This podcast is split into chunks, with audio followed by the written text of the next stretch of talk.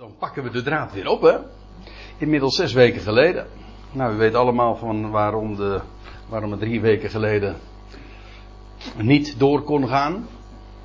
Dat had trouwens een dubbele reden. Niet alleen vanwege mijn persoonlijke omstandigheden en eh, het overlijden van mijn moeder, maar ook uh, Kobe en Ewe kwam het huishoudelijk gezien ook wel eigenlijk uit. Nou ja. En zo uh, kan het gebeuren dat we pas zes weken na de vorige Bijbelstudie weer bij elkaar zijn en uh, het boek Handelingen met elkaar gaan bespreken. En dat betekent dat we ook een nieuw hoofdstuk gaan beginnen, Handelingen 27. Want het 26e hoofdstuk hebben we de vorige keer helemaal ook afgerond. Ik wil nog eventjes terugblikken, oh, iets uh, verder eigenlijk ook. En u eraan herinneren dat Paulus, en dan ga ik eventjes terug naar handelingen 21, was op uh, initiatief van zijn volksgenoten ooit gevangen genomen tijdens het Pinksterfeest in Jeruzalem. En dat heeft heel veel voeten in de aarde gegeven. Uiteindelijk, omdat ze een moordaanslag hebben beraamd op Paulus, uh, hebben de Romeinen hem onder een groots escorte overgeplaatst naar Caesarea. Hij was dus gevangen in Jeruzalem en hij was dus hier en via deze route ongeveer hebben ze hem naar Caesarea. Vergis u niet, dat was de uh, op één na grootste plaats in Israël in die dagen. Caesarea, nou de naam verraadt het al. Uh, het is gebouwd. Hé, hey, ik wou zeggen dat handje dat is van de van de muis, maar dat is. Uh, dat heb ik per ongeluk van de. Uh, staat het uh, op het plaatje vermeld. Maar goed, maakt niet uit. een vingertje dat omhoog wijst, hè, daar hou ik wel van. Hè? dat is de goede richting. Ja. maar Caesarea, de naam herinnert uiteraard aan de keizer, de Romeinse keizer. Het was een grote vesting daaraan. Het was ook een kustplaats die we al diverse keren ook in het boek Handelingen zijn tegengekomen. Het is de plaats waar ooit Petrus de deur naar de natieën heeft geopend. De poort naar de natieën heeft geopend. Dat is een mooie beeldspraak in dit verband. Want het was ook inderdaad een haven, een poort. En het was ook ja, de plek waar men de wateren opging. En dat is ook weer een beeld van de volkeren. En via deze route kwam Paulus ook diverse keren uh, weer aan in het land. Afijn. Uh, hij wordt gevangen genomen, uh, of ja, nou nee, dat was hij al. Hij wordt gevangen gehouden onder een heel vriendelijk, relatief vriendelijk regime. Dat uh, lees je hier in hoofdstuk 24. En dan wordt hij, en dat is hoofdstuk 24, verhoord door de toenmalige stadhouder Felix. En een hoofdstuk later lees je dan dat hij opgevolgd wordt door Festus. En Paulus is nog steeds gevangen daar in Caesarea. En ook Festus, die, die hoort hem zelfs vele malen. En een eh, uitgebreid verhoor lees je ook in dat Handelingen 25. Als uh, die Festus uh, geïnstalleerd is, dan komt hij ook, dan komt ook Herodes, Agrippa, de tweede, op bezoek bij, bij Festus, bij zijn, zoals dat dan deftig heet, zijn inauguratie. En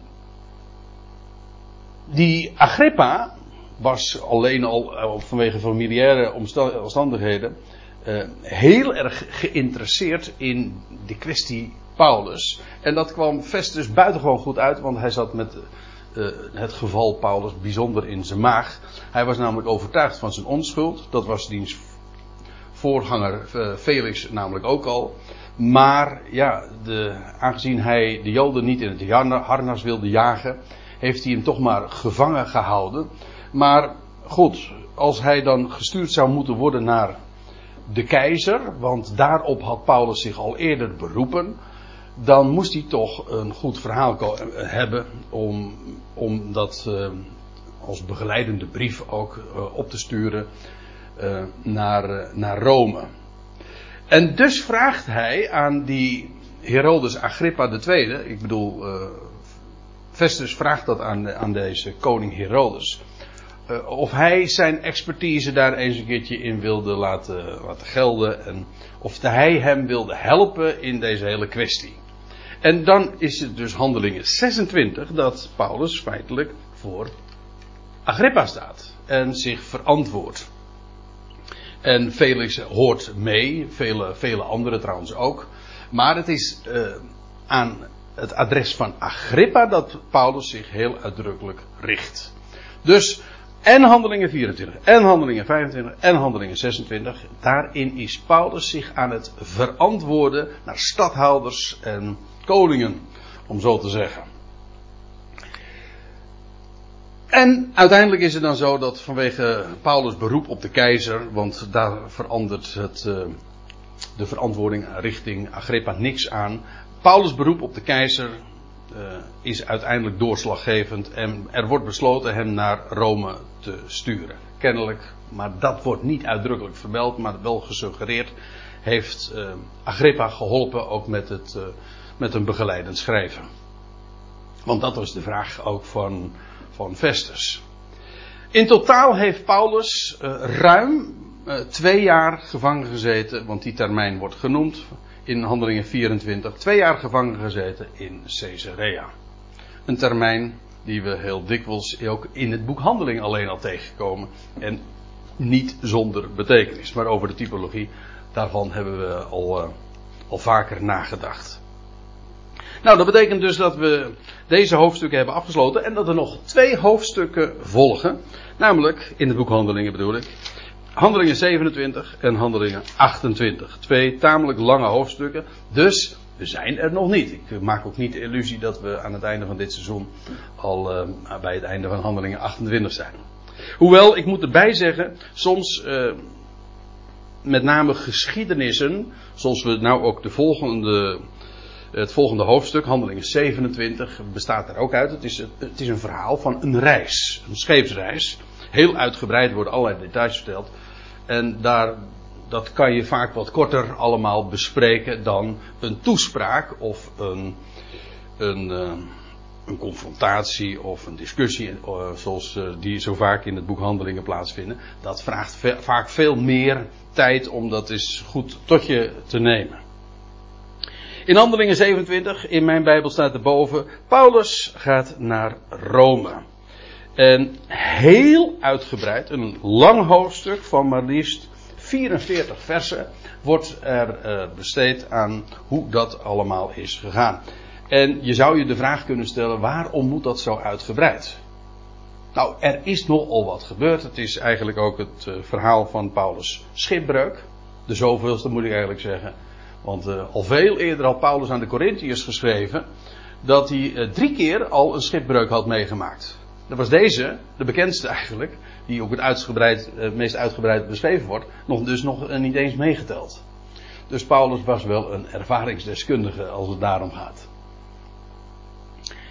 En de echte reden is denk ik niet zozeer historisch als wel profetisch. Dat dit zo uitgebreid beschreven wordt dat een schip ten onder gaat en dat dat eigenlijk ook was omdat men niet had geluisterd naar Paulus' raad. Als ik het zo zeg, dan moeten er eigenlijk, als je eenmaal uh, uh, ja, de inhoud van het hele boek Handelingen tot je genomen hebt, dan, moet er toch, dan moeten de lampjes gaan branden en, en belletjes gaan rinkelen. Want ja, dat was, was dat eigenlijk ook niet precies waar, waar het allemaal om ging.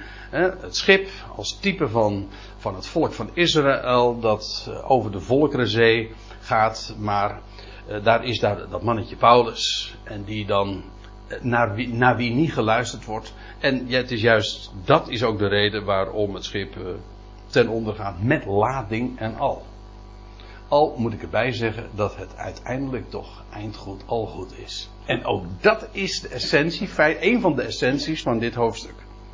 En ik maak mezelf sterk dat we in nou, het bekende gezegde en hoeveel eh, bordjes zijn er niet van die. Eh, waarop dan de tekst staat: God heeft ons geen kalme reis beloofd, maar wel een behouden aankomst. Dat dat direct ontleend is aan, of gebaseerd is op, uh, Handelingen 27. Want dat is precies waar het over gaat. Namelijk geen kalme reis, sterker nog, en het schip En de lading gaat helemaal ten onder. En allerlei uh, enorme grote problemen doen zich voor. En uiteindelijk komen ze allemaal behouden aan land. Niemand uitgezonderd. En daarmee heb ik feitelijk ook heel veel gezegd over, uh, over Paulus' boodschap. Maar als u daar meer over wil weten, dan moet u aankomende zaterdag naar uh, Gadre komen. Want dan is dat het grote thema van de hele dag. Redder van alle mensen. Goed, we gaan, uh, we gaan de draad oppakken. Handelingen 27. En we gaan vers voor vers. En ik zal u vaak landkaartjes laten zien. Dan, dan, ga je, dan, dan, begrijp je echt goed hoe, hoe het allemaal is gegaan. En dan de wijze waarop Paulus of Lucas dit allemaal heeft opgetekend. Dat is heel gedetailleerd. Maar hij, hij, noemt allemaal plaatsnamen, streken. En ja, dat gaat pas voor je leven wanneer je daar ook iets bij kunt voorstellen. Vandaar dat een kaartje en een, uh, zo'n PowerPoint-presentatie is een uitkomst. Ik herinner me vroeger dat uh, wij hadden een categorisatie in Aalsmeer. En daar was een predikant, dominee Prins, van wie ik ook categorisatie kreeg. En die en, en, die had dan altijd van die, uh, van die grote landkaarten dan hangen aan de wand. En dan vertelde hij over Paulus' uh, zendingsreizen. Maar ik moet u zeggen, met, met PowerPoint kun je nog veel meer doen. Dan uh, wat de, de mogelijkheden die, hij, die hem ter beschikking stonden. Oké, vers 1. Toen nu geoordeeld werd dat we naar Italië zouden afvaren. Dat oordeel dat hadden we in hoofdstuk 26 al gelezen. Namelijk Paulus zou naar de keizer gaan, oftewel naar Rome. En nou ja, dat oordeel was geveld. Toen nu geoordeeld werd dat we naar Italië zouden afvaren, we, dat is even opvallend, want dat betekent dat Lucas weer in het gezelschap zich bevindt. Voor het laatst lezen we de wijvorm in hoofdstuk 21, vers 18. Je weet precies wanneer de schrijver, Lucas, zich in het gezelschap bevindt en wanneer niet. Hier wel. Hier, zegt de hier, spreekt Lucas over dat we naar Italië zouden gaan. Daar was, daar was de schrijver er zelf bij. En al die tijd daaraan voorafgaand is Lucas. Nou, hij is wel in Jeruzalem met, met Paulus ook gearriveerd. Maar kennelijk, ja, die jaren dat Paulus gevangen heeft gezeten in Caesarea, heeft hij kennelijk andere dingen gehad. In elk geval, hij gaat met Paulus. En trouwens nog. Uh, in Aristarchus, waarover straks meer, uh, naar Rome toe. Lucas is heel veel bij Paulus geweest, gebleven ook. We zouden naar Italië afvaren. Nou, u moet zich even dan dit voorstellen. Hier ligt Caesarea. Uh, dit is zoals u weet Italië en hier ligt Rome en deze reis zou men gaan moeten ondernemen. En uh, dat, was een, uh, dat was een flinke trip. En het was inmiddels al tegen het najaar, zoals we straks ook zullen zien. En dat is uh, een reis met, met vele onderbrekingen geweest. Afijn, dan staat er, toen nu geoordeeld werd dat we naar Italië zouden afvaren, leverde, leverde zij Paulus, zij, de Romeinen en enige andere gevangenen over. Dus Paulus was niet de enige gevangene. Ja, en hoe dat gegaan is, uh, die gevangenen moesten kennen of ook voor de keizer verschijnen. Dat zou kunnen, maar dat lijkt me een tamelijk uitzonderlijk geval. Paulus was een bijzonder geval, dat hij zelfs zo als Romeins burger, vergis je niet, uh, naar de keizer toe kon. Dat was de, ja, dat was de, grootste machthebber op de hele aarde. Daar komt natuurlijk niet elke gevangene voor. Maar wat er wel gebeurde met gevangenen is dat uh, als zij ter dood veroordeeld waren, dat ze dikwijls naar de amfitheaters in Rome gingen en daar werd dan van hun executie feitelijk een heel festijn gemaakt. Daar moet je niet aan denken, maar goed, dat waren de gebruiken in die dagen. Een uh, theater als deze. Ik heb hem ooit, uh, nou het is geen foto die ik zelf gemaakt heb, maar ik had hem wel kunnen maken, want ik ben er ooit eens een keer geweest in Rome. Uh, althans, wat er nog van overgebleven is. Dat zijn machtige theaters geweest. en daar werden de mensen dan voor de leeuwen geworpen. Of anderszins uh, ter dood gebracht. En ze leverden Paulus over en enige andere gevangenen aan een hoofdman over honderd. In het Latijn is dat een centurio. Cent, hè, daar zit honderd ook nog in. Uh, centurio of centurion. Uh, die is, uh, ja, dat is nog, dat is heel goed, dat is historisch. Dit is niet op bijbelse gronden. Maar dit is historisch volkomen duidelijk hoe, die, uh, hoe, zo'n gast, als ik het even oneerbiedig mag zeggen. Dat is een hoge functie, vergeet u niet. Zo'n zo'n honderd of een kleine honderd man had hij onder zich. En ja, het meest opvallende is wel uh, die, die, die pluim op zijn, uh, op zijn helm. Maar zo zag zo'n hoofdman, zo'n centurio eruit. We zijn die centurio trouwens al heel wat keren tegengekomen. Nou, niet deze. Deze heette namelijk Julius en een andere, die andere heette. Weet u het nog?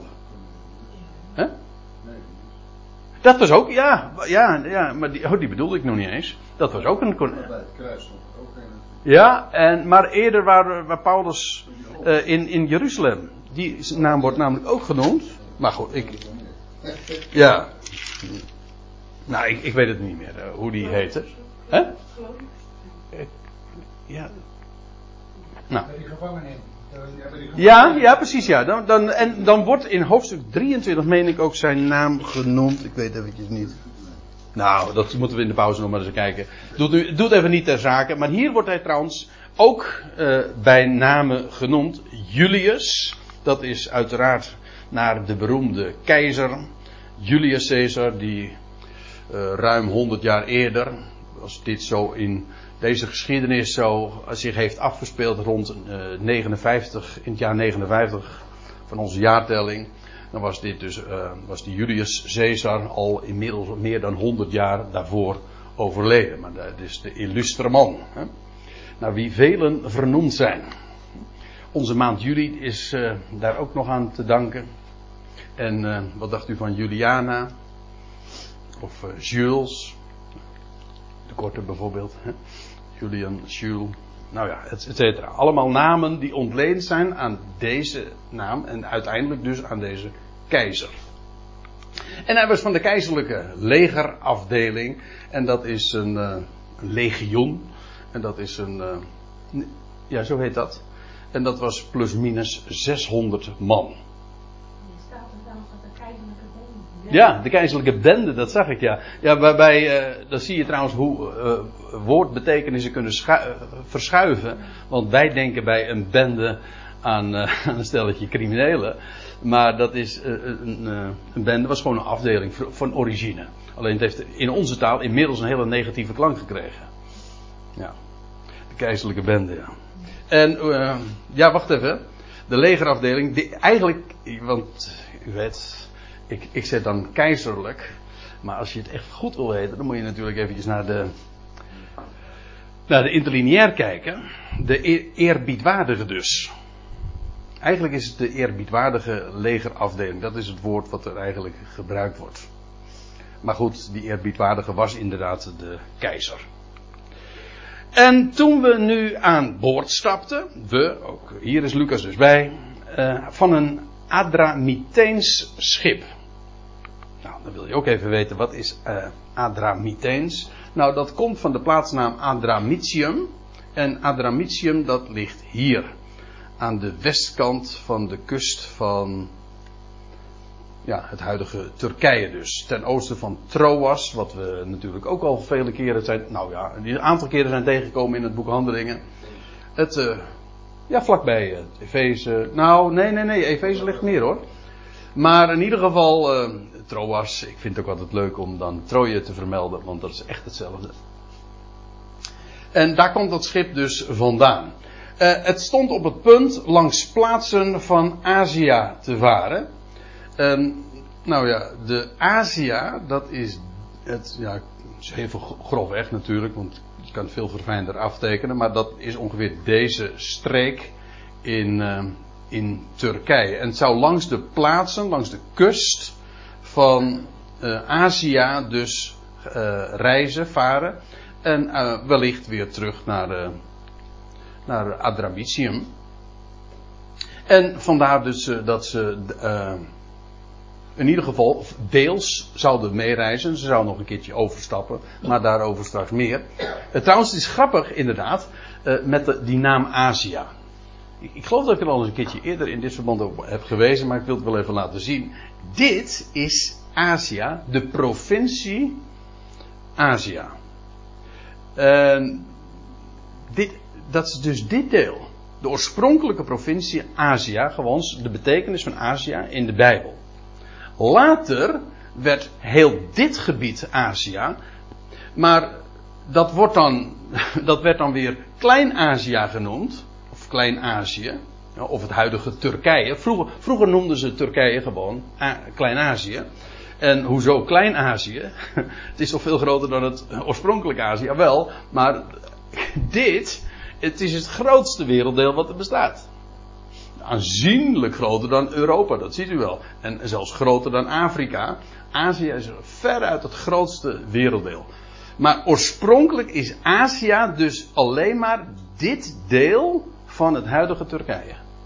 Dus dan zie je hoe uh, ook, ook, ja, we hadden het net over hoe betekenis van woorden kan verschuiven. Maar eh, als het gaat om plaatsaanduidingen, dan kan een, een, een woord ook een enorm aan betekenis dus veranderen. In dit geval wordt, worden uitvergroot. Hoe dat zo heeft kunnen gebeuren, weet ik niet. Maar in ieder geval, dat is eigenlijk, dat zijn de lotgevallen zeg maar, van deze plaatsnaam. Het, zou op het, punt, uh, langs, het stond op het punt om langs plaatsen van Azië te varen. En, wij voeren weg met, met Aristarchus. En dat was een Macedoniër van Thessalonica. Hier ligt Thessalonica en hier ligt de, streek van Macedonië. En waar uh, kennen we die van? Bijvoorbeeld. Ja, in, ook in handelingen. Maar ik, ik zat eigenlijk nog eerder te denken. Uh, Alexander de Grote, dat was een Macedoniër. en deze Aristarchus, die zijn we al eerder tegengekomen in hoofdstuk 19 en hoofdstuk 20, dat hij ook met Paulus meereisde. En daar wordt ook al vermeld dat hij trouwens uit Thessalonica kwam. En later in zijn brieven, uit, vanuit Rome, schrijft Paulus ook over hem, dat, uh, over mijn medegevangene Aristarchus in Colossense 4 en in Philemon vers 24 wordt uh, die naam ook vermeld. En we mogen ervan uitgaan dat dat uh, dezelfde Aristarchus is. In ieder geval, dus met Lucas en Aristarchus gaat Paulus nu het schip op. Ja. ja. Ja, ik neem u vanavond mee in de boot. Ja. We gaan met z'n allen het schip in. En de andere dag gingen wij aan land te Sidon, hier dus Caesarea. En dan gaat die ongeveer 100 kilometer noordelijk. En hier heb je dus plaats Sidon, dat ligt nog weer een stukje noordelijker boven Tyrus. En daar gingen wij aan land. En dan staat er, en Julius bejegende Paulus op humane wijze. En hier staat in het Grieks, dat is interessant. Hier staat in het Grieks het woordje philanthropos. Of waar ons woordje filantropie vandaan komt. En filantropisch, een filantropische instelling, dus is een menslievende instelling. Dat is wat filantropie eigenlijk gewoon betekent. Anthropos is mens en dat fil dat heeft te maken met liefde of genegenheid voor. En waarom die Julius dat doet, ja, misschien was hij overtuigd van Paulus' onschuld, dat hij, dat, zo, dat hij zo de teugels liet vieren en dat hij hem zo humaan en filantropisch behandelt. Het kan ook zijn dat hij uh, onder de indruk was van, uh, van Paulus' status, namelijk dat hij een Romeins burger was, want daar werd zeer, zeer hoog tegenaan gekeken. En dat hij hem uh, op die, om die reden ook zo behandelde. Want ja, een Romeins burger mocht je niet zomaar. Zeker niet als een Romeins soldaat, hoofdman, een centurio, kon je niet zomaar een Romeins burger verwaarlozen of onterecht bejegenen. Want dat werd zeer hoog opgevat. We hebben dat nou een paar keer inmiddels gezien. Dat als, als een, een, een centurio, een, Romeins burger iets aandeed onterecht, ja, dan werd dat, eh, kon dat bijzonder hoog gespeeld worden. En dat kon zelfs je, je kop kosten. Afijn, Julius die bejegende Paulus op humane wijze en hij stond hem toe naar vrienden te gaan.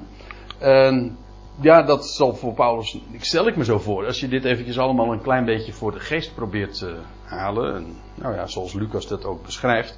Uh, jarenlang, twee jaar lang, heeft Paulus gevangen gezeten in Caesarea. Nu ging hij op reis. Ja, en nu kon hij eindelijk ook weer eens eh, bezoeken afleggen. Wat hij in Caesarea absoluut niet kon. Want ja, daar werd hem voortdurend zijn leven bedreigd. En kon hij waarschijnlijk ook helemaal niet gaan, ergens naartoe gaan. Je leest wel dat vrienden bij hem konden komen. Maar dat hij naar vrienden toe ging, niet. Maar goed, inmiddels was Paulus buiten het land.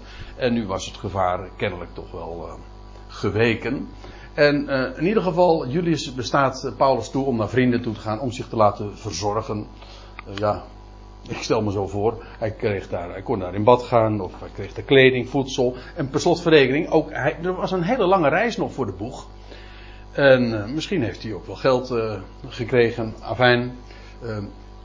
dat soort praktische dingen daar, en ik denk trouwens in de eerste plaats, nou ja, dat noem ik dan weliswaar hier niet. Dan denk ik bij verzorging misschien ook nog wel juist aan een hart onder de riem van zijn broeders. die,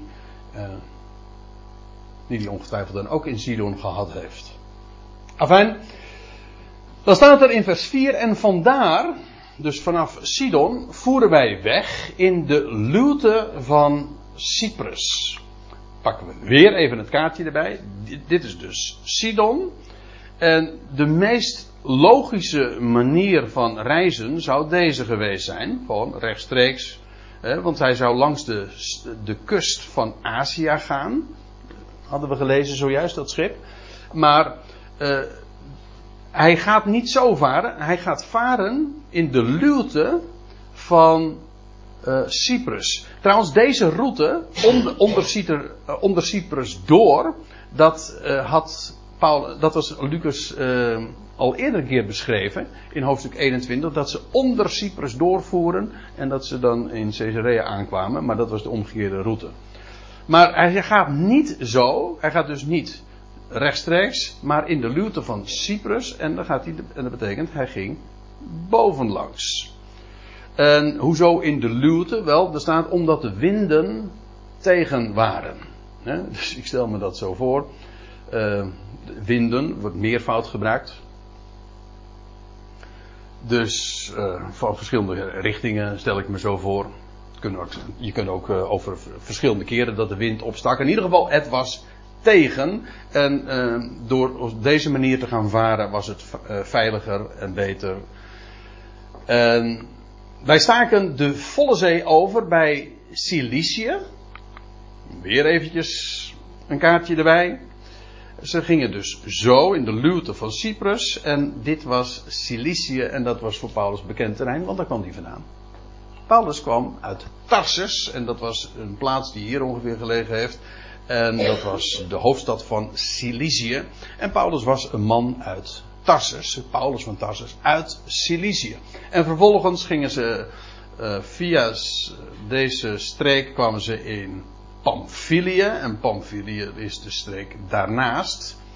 En ook dat zijn we al verschillende keren in het boek Handelingen tegengekomen.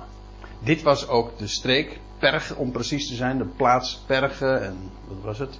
Derbe. Uh, dat lag allemaal in Pamphylië. Daar had Johannes Marcus hem ooit in de steek gelaten. Waarover later dan weer een conflict was met Barnabas, weet u nog? Goh, we hebben inmiddels al wat in meegemaakt hoor. Maar Pamphylië was dus ook al, kennen we ook al. En we kwamen vervolgens, staat er, aan land te Mira in Lycië. En dat is hier. Lycië is hier, dus hier is Lycië, Pamphylië en hier Lycië. En hier ligt Mira. En deze afstand, ze hadden de wind tegen. Uh, en om die reden zijn ze deze route gegaan. Dat is ongeveer 850 kilometer. Is een uh, groot gebied hoor, vergeet u niet. En ja, ik kan het niet nalaten om er dan toch even op te wijzen. Dit is geen Bijbelstudie. Wat ik nu zeg. Maar uh, Mira kennen wij vooral omdat daar ooit een hele beroemde bisschop was. De bisschop van Mira. En hoe heet hij? Hoe kennen wij hem? Als Sinterklaas. Sint Nicolaas. Een man die in, of in 342 of in 352, daar, daar zijn de meningen verdeeld over, maar daar gaan wij geen ruzie over maken. Maar in ieder geval op 6 december is overleden. Ja, vandaar ook dat pakjesavond uh, net daarvoor uh, aan vooraf gaat. Maar in ieder geval 6 uh, december. En dit was de bisschop ja, van Mira. En ik, ik vind het dan leuk. Er is heel veel discussie over Zwarte Piet dat Zwarte Piet eigenlijk niet kan. Maar als u het mij vraagt, dan zeg ik. Eventjes, ja, ik zou haar zeggen off the record, maar dat is, het wordt allemaal opgenomen. Maar het zij zo. Uh, eigenlijk kan Sinterklaas niet. Weet u waarom? Deze Sint-Nicolaas was de belangrijke medestander, of belangrijkste de medestander van Athanasius in die strijd van Nicea over de drie eenheid. En het schijnt zelfs te zijn, het verhaal gaat dat eh, Nicolaas, Sint-Nicolaas, Arius recht in zijn gezicht geslagen heeft, omdat hij de godheid van, zoals dat dan heet, van de zoon ontkende. En uh, Sint-Nicolaas was dus een groot pleitbezorger van de leer van de drie-eenheid. En als je dat eenmaal weet, ja, dan word je ineens een stukje minder uh, enthousiast over deze bisschop. Ja, ik tenminste wel, andere mensen juist weer niet, maar goed. Hè? Ja, wat zullen we daar verder over nog zeggen? Maar goed, het, ik, ik, noem het eventjes omdat hier de, naam, de plaatsnaam Mira genoemd wordt. Volgens mij voor de rest komen we niet meer tegen in het Nieuwe Testament. Maar wij, ja, wij kennen die plaats dus vooral vanwege de latere bisschop. Dat zou nog een paar honderd jaar duren.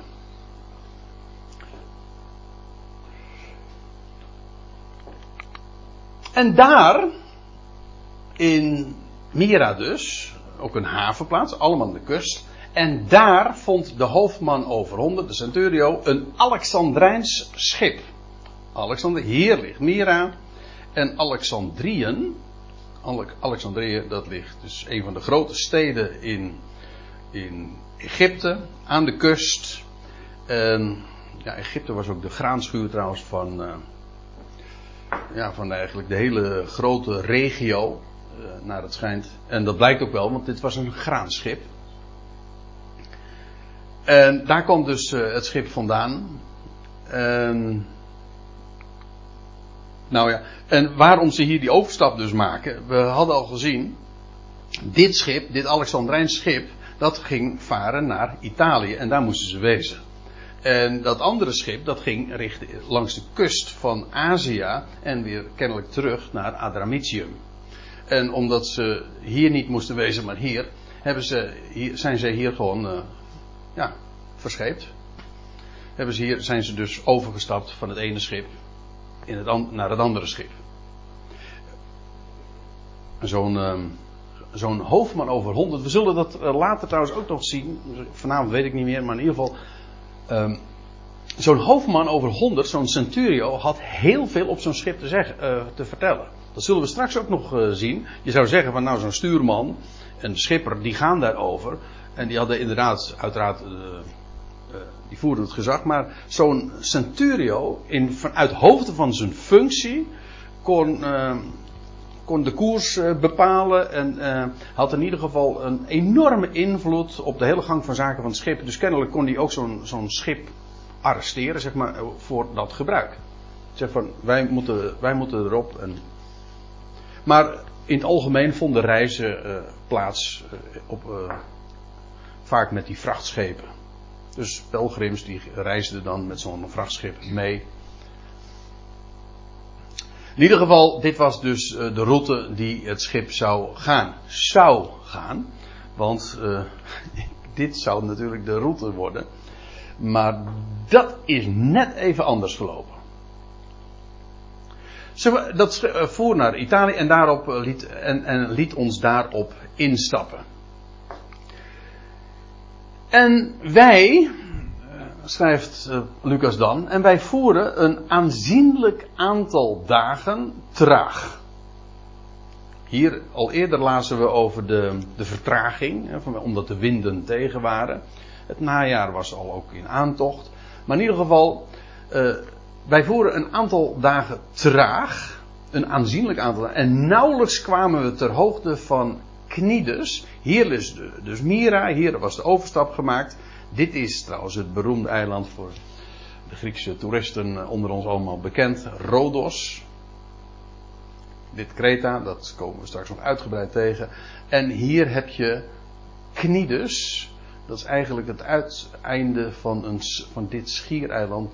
Het kaartje komt ook niet helemaal uit de verf, maar in ieder geval, uh, dat ligt dus hier. We kwamen ter hoogte van Knides. Ze voeren dus kennelijk bovenlangs, boven Rodos door. En staat er, daar de wind ons niet uh, heen liet gaan. Men wilde dus kennelijk gewoon rechtdoor, maar men gaat afbuigen. En waarom? Wel vanwege de wind. De wind liet het niet toe. Het was een zeils, zeilschip. Geen motorboot, dat begrijpt u hè. Het was een zeilschip. En ze konden dus, uh, men was niet in staat om recht toe, recht aan te gaan varen. En wij voeren, staat er dan, en wij voeren in de luwte van Kreta. Dus men maakt een behoorlijke afbuiging naar het zuiden. En ter hoogte van Salmone. En Salmone, dat is, ligt helemaal aan het oostpuntje. Uh, zeg ik goed? Ja, het oostpuntje van het, uh, het eiland, Kreta. Ter hoogte van Salmone. En nauwelijks konden we daar langs varen. Staat er dan. Dus hier ligt het. Dit is Kreta, even wat uitvergroot. En men voer dus zuid, langs de zuidkant van het eiland. En, maar dat kon nauwelijks, met moeite zegt de NBG-vertaling, letterlijk dus nauw, nauwelijks konden we daar langs varen. Het ging dus wel, maar ter nauwe nood. En we kwamen bij een zekere plaats dat voortreffelijke havens genoemd wordt. Dat nabij de stad Lasea lag. En beide zijn trouwens plaatsen die uh, niet of nauwelijks meer bestaan als, uh, in ieder geval uh, op hooguit als, om nog te bezichtigen als plaatsen uit de oudheid. Maar het, men weet wel waar dit gelokaliseerd moet worden voortreffelijke havens. Als u trouwens de MBG-vertaling hebt, dan staat er goede reden. Ja, ideale havens. Goede, goede reden, reden is eigenlijk ook een, een haven dus. En wat staat er in de Statenvertaling? Oh, schone havens. Ja. Ja, Carlos, ideaal, voortreffelijk. Hè? Het, eigenlijk, het schijnt, uh, ik heb het goed begrepen, uh, je hebt een woord voor goed in de morele zin, dat is agathos, en je hebt moreel, je hebt goed in de zin van kwaliteit. En dat is dit woord, kalos. Dus goede kwaliteit, dat is dus voortreffelijk. Hm, wij zouden zeggen puik. Hè, of voortreffelijke wijn, lekker. dus in, afhankelijk van het onderwerp, maar het betekent voortreffelijk in kwaliteit. Goed van kwaliteit. Het waren voortreffelijke havens. Havens, meervoud. Wat trouwens in de MBG niet echt uit de verf komt. Maar dat is wat het, wat het genoemd, eh, zoals het uh, heette. Het werd zo genoemd en ik, u begrijpt dat ik kan natuurlijk niet anders dan omdat het een voortreffelijke haven was. Overigens niet om te overwinteren, maar dat zullen we straks ook nog lezen. Ik vind het trouwens wel mooi, want Paulus gaat hier, zegt, zal zeggen van we moeten hier blijven. Voortref, Paulus wijst op, de voortreffelijke, op een voortreffelijke havens. Daar zou men veilig zijn maar men had er geen oren naar. En het lag vlakbij, staat hier, dat nabij de stad Lasea lag. Hier heb je dus Lasea en hier uh, voortreffelijke havens. Ik uh, ik ben het eiland Kreta heel wat keren geweest in, in mijn jong, toen ik nog jong was, dus dat is heel lang geleden. Twintiger. Maar toen was ik vooral, ja, wat heb je hier? Retimon Gania. De beroemde Samaria-kloof. Enfin, en Paulus, we, hebben natuurlijk een hele brief van Paulus dat hij, op, dat hij zich richt op Titus. Hij had net uh, het eiland Kreta verlaten. En Titus had hij daar achtergelaten. En over die Cretensen heeft hij uh, niet al te lovende woorden. Maar Dat zegt hij niet zelf. Hij zegt iemand uit hun eigen kring die heeft gezegd: Cretensen zijn vatsige buiken. Altijd. Nee, nee, vatsige buiken en uh, leugenaars. Altijd. En dan zegt Paulus erbij: Dit getuigenis is waar. dat is echt, dat is humor. Dat is echt humor, hè? Als want als nou een cretenser zegt dat cretensers altijd liegen, dan is dat dus ook een leugen. Als cretensers altijd liegen. Dus daarom moest Paulus zeggen, als hij dat met instemming citeert, dat getuigenis is waar. De rest, ze liegen altijd, maar dat getuigenis is waar. Iemand uit hun eigen kring had dat gezegd. Ja. Maar in ieder geval, moreel gezien, uh, was daar nogal wat op aan te merken. En Paulus had, uh, en Titus had daar nog uh, wat, wat werk te doen, zeg maar. Afijn, dat was allemaal op het eiland Kreta. Uh, hier lezen we, we kwamen voorbij, we kwamen uh, bij een zekere plaats, voortreffelijke havens genoemd, uh, dat nabij de stad Lazea lag. En er, vers, er verstreek nu een aanzienlijke tijd. En de vaart was reeds riskant. Dus het ging allemaal buitengewoon traag. En bovendien, de vaart werd riskant. Waarom? Omdat eigenlijk het scheepvaartseizoen zo'n beetje tegen zijn eind liep. Want ja, uh, riskant vanwege onvoorspelbare stormen die zouden kunnen komen. Nou ja, zouden kunnen komen. Ik zeg het nu nog optioneel, maar riskant. Maar het, dat ging ook inderdaad gebeuren. En die, ja, nu eenmaal, eigen, uh, eenmaal vanaf november werd er niet meer op de volle zee gevaren. Dat was gewoon veel te uh, gevaarlijk. En nu, die tijd ging nu al aanbreken. Dus het werd steeds, het werd heel gevaarlijk. En bovendien, het was nog een probleem. Niet alleen maar vanwege die stormen, maar ook vanwege de navigatie. En als je dan dagenlang bewolking had, en wat, ik bedoel, voor ons is er niks ongebruikelijks. Maar in, uh, in het Middellandse uh, wel. Als je dan dagenlang bewolking had, ja, dan kon men dus niet navigeren. Men navigeerde namelijk op de sterren. En als je die sterren niet kunt zien, dan, dan valt er niet te navigeren. Dus de vaart werd uh, riskant. Ook staat er dan bij vanwege het vasten dat reeds voorbij gegaan. En dit is typisch Lucas. En als ik mij vraag, Lucas was, er wordt heel vaak gezegd, is de enige heiden die het, uh, die, de enige heiden, niet Jood, die de schrift heeft geschreven. Ik geloof het niet. Want ook Lucas, er zijn wel degelijk goede redenen aan te nemen dat ook Lucas een Jood was. Uh, in ieder geval verwijst hij hier ook naar de Joodse kalender. Hij verwijst namelijk naar het vasten. En er is één dag in het jaar dat, uh, dat een Jood een verplicht vasten heeft. En dat is Yom Kippur. Staat in, in Leviticus 16, Leviticus 23. Dat was de dag van de, dat men uh, inderdaad vastte. En dat was het Yom Kippur, dat is de tiende van de zevende maand. En dat is ergens, dat kan variëren, dat kan een maand ongeveer fluctueren. Dat is ergens tussen half september en half oktober. Uh, als ik me niet vergis is dit jaar eind september. Vorig jaar was het ook eind september. Maar goed, het kan ook zelfs half oktober nog zijn. Het kan soms ook half september zijn. Dus ergens in deze tijd uh, was, uh, lag het in onze termen dan, uh, had je het Yom Kippur. Maar, zegt Lucas, uh, Yom Kippur was al voorbij. Dus het was al ergens, nou laten we aannemen, eventjes halverwege, het was al voorbij eind september. Dus vandaar dat ook om die reden dus de vaart riskant was. De, het vasten was reeds voorbij gegaan. Eigenlijk de termijn was, let op, ook dat is typisch in de hele de hele boodschap van, van Lucas en zoals die opgetekend staat in het boek Handelingen. De termijn was eigenlijk al verstreken. Om, uh, om veilig uh, aan te komen. En dat, ook dat is tekenend. Ik kom daar straks nog uh, uitgebreider op terug als ik wat meer typologisch over deze reis nog wat ga vertellen. Het zou trouwens ook een vaste worden voor Rome. Als dat. Als dat? Dat graanschip niet aan zou komen. Het was namelijk zo dat graan wat voor Rome bestemd was, dat is natuurlijk een gigantische stad voor die tijd, waren volkomen afhankelijk van de graantransporten van Alexandrië. Ja. En het schip is al heel erg lang. En het kon soms zijn, dat heb ik gelezen, dat er diverse schepen dus eigenlijk in stormen omkwamen. Dan was er bijna hongersnood in, in de Oké. Ja. Dat, dat is Ja. de geschiedenis, hè, de historie die dat beschrijft. Ze waren volkomen afhankelijk van de graanschuren. Ja. En ze zaten altijd te toppen met die schepen die dus door die stormen heen moesten. Of eigenlijk het liefst ervoor kwamen. Ja, ja.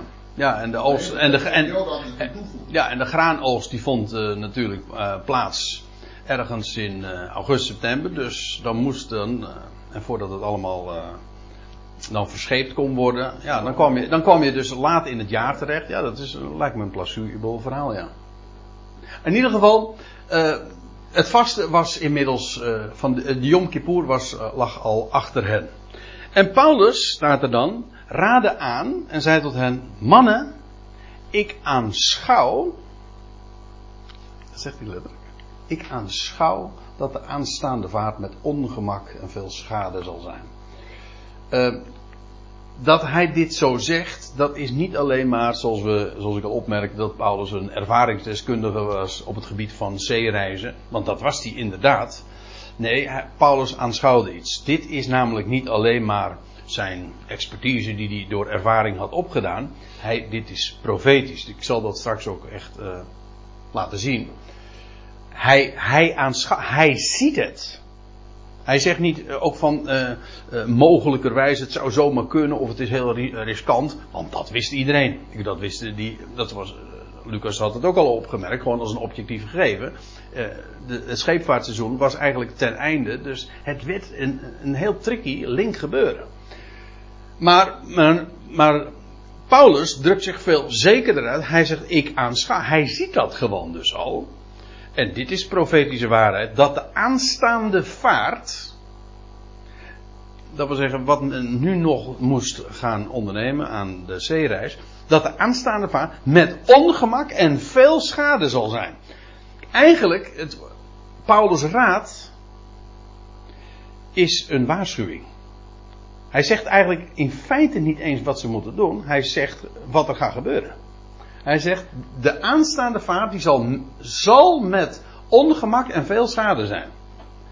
In feite, en, en dit is al eventjes een opstapje naar de, naar de hele typologische, de profetische strekking van, eh, van, dit boek, eh, van deze reis.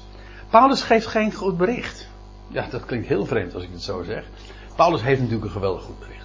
Maar als het gaat om het lot van Israël, heeft Paulus geen goed bericht. We hebben er al verschillende keren eh, over nagedacht. Dat Paulus wist. Kijk, eigenlijk Paulus' bediening is gebaseerd op Israëls ongeloof. Hij zegt, dat schreef hij al aan de Romeinen, of veel eerder. Door hun ongeloof is het heil naar de natie gaan. Daarom is Paulus ook als dertiende apostel geroepen. Nadat het, het Sanhedrin officieel ook de opgewekte Christus heeft afgewezen. De moord op Stefanus was feitelijk het, eh, de officiële afwijzing van Israël van het evangelie. Nou, en op basis daarvan, en sindsdien werd Saulus van Tarsus geroepen, werd Paulus, en die werd naar de natie gezonden, op, gebaseerd op Israëls ongeloof.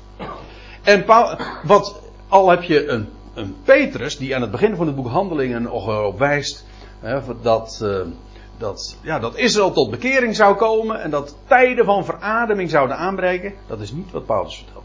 Nooit. Het is niet een, een, een, het goede bericht van het koninkrijk van eh, kom tot bekering en dan gaat dit gebeuren. Nee, het is eigenlijk meer een waarschuwing. Jullie geloven het niet en nu gaat dat gebeuren. Nog steeds met wel, dat is tot aan het einde van het boek Handelingen het geval. Nog steeds staat de deur, ik moet zeggen, op een, niet open. Open stond die, de, poort stond open, zeg maar in Handelingen 3. Letterlijk. Het was de schone poort. Hè? Ja, het was de schone poort. Toen, Paulus, toen Petrus dat vertelde in Handelingen 3. En toen stond de, eh, de deur nog wijd open. En toen werd er een goed bericht verteld. Toen was, toen was de boodschap zo, ik, laat ik het zo zeggen. Toen was de boodschap nog, ja, tenzij. En bij, als Paulus geroepen wordt, dan wordt de boodschap voor Israël, nee, het gaat ten onder, tenzij. Dan is, zie je dan, of, of uh, hoe zeggen ze dat? Ja, mits, nee, tenzij. Uh, de, de toon is een andere. Nog steeds kon Israël zich bekeren, maar Paulus rekent daar nog wel mee, maar niet op. Dat is het grote verschil. Eigenlijk is dat ook precies waarom Paulus zo moeilijk lag in Jeruzalem. Omdat Paulus uitging van Israëls ongeloof en dat het herstel niet zou plaatsvinden, ondanks het feit dat nog steeds naar hem geluisterd had kunnen worden. Dat wel. Maar hij heeft geen goed bericht eh, voor. Hij waarschuwt. Hij waarschuwt voor het lot van de, van de lading en het schip. Zal, hij zegt eigenlijk al helemaal uit, stilzwijgend, van het feit dat men niet naar hem zal luisteren. Het zal zijn. Hij kondigt het aan. Het is een waarschuwing. Ik las trouwens uh, eventjes terzijde, maar een heel leuk. Een, ik, ik, heb al eens vaker verteld, ik, ik ben altijd gek op etymologie, hè, de woordherleidingen, maar het woordje waarschuwing het waar, dat heeft uh, dezelfde betekenis, of is, uh, heeft dezelfde oorsprong als het Engelse warn. En dat is ook waarschuwen. En dat schuwen, dat is bang zijn voor. Hè? Dus het is altijd met de gedachte van dat wat er gaat gebeuren, een noodlot, daar wijs je op en om bang te maken, zodat mensen daar zouden naar zouden kunnen luisteren om het onheil nog af te wenden. Dat is eigenlijk het hele idee. Het, de boodschap is dus niet van er, wacht een geweldige toekomst en jullie uh, bekeer je dan. Nee, de, eigenlijk de boodschap van Paulus is, er staat een vreselijk drama te gebeuren. Luister. Men kon dus nog maar luisteren. Als, als men hier naar Paulus had geluisterd, dan hadden ze in schone havens gebleven. En had men niet verder gevaren. Had men kunnen doen. Maar Paulus gaat er eigenlijk al helemaal van uit dat ze dat niet zullen doen en dat ze niet naar hem zullen luisteren en dat ze, dat ze inderdaad verder zouden gaan varen. En dan zegt hij van nou, dit gaat gebeuren. Dit gaat gebeuren. Er zal veel schade zijn.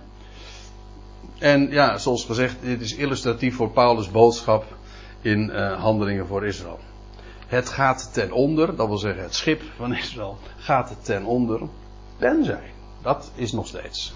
Dat tot aan het einde van het boek Handelingen is, is dat nog steeds de boodschap voor Israël. Ja. Ja. Niet alleen zegt hij dan uh, dat ongemak en schade, niet alleen wat van de lading en van het schip, maar ook van onze zielen. Wel, weliswaar zegt hij van, uh, bemoedigt hij ze, er gaat geen ziel, niemand van, uh, op het schip gaat verloren. Maar hij zegt wel, ja, er zouden tijden komen van een groot levensgevaar. Weken achter elkaar dat ze echt vreesden voor hun leven. En in grote moeite hebben gezeten. En denk ook even aan daar moet ik dan aan denken. Als je zo'n reis onderneemt op een schip. Ik heb als ik. Uh, als ik uh, een paar kilometer naast iemand zit in de auto. En dat gaat een beetje zo, dan ben ik al uh, ziek. Maar je zal op zo'n schip dan zitten. En. en dan scheeps. hoe zeg, noem je dat? Scheepziek? Zeeziek. Zeeziek, ja natuurlijk, ja. Zeeziek worden. Ja, dat is toch vreselijk. Hè? Ja. Dat is weer wat anders.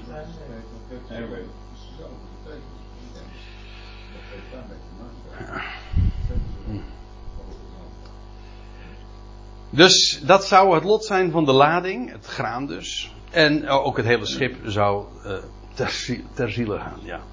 Goed, uh, dan gaan we, komen we in vers 11, maar ik stel voor, ik zie dat het 9 uur is, dat we eerst even gaan pauzeren.